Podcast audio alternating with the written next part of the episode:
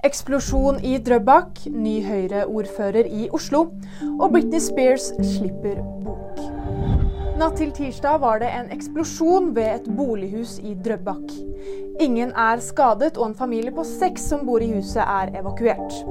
Politiet mener at hendelsen har utspring i en konflikt i et lokalt kriminelt ungdomsmiljø i Follo. Anne Lindboe fra Høyre blir ny ordfører i Oslo. Tirsdag ble det klart at det borgerlige flertallet med Erik La Solberg som byrådsleder er sikret. Dermed skal Høyre og Venstre styre hovedstaden med støtte fra Frp og KrF. Britney Spears sin biografi 'The Woman In Me' ble sluppet i dag. I boken skriver hun bl.a. om det offentlige bruddet med artisten Justin Timblake, om familiens oppførsel under det 13 år lange vergemålet. Og VG nyheter de fikk du av meg, Fridrive Lie.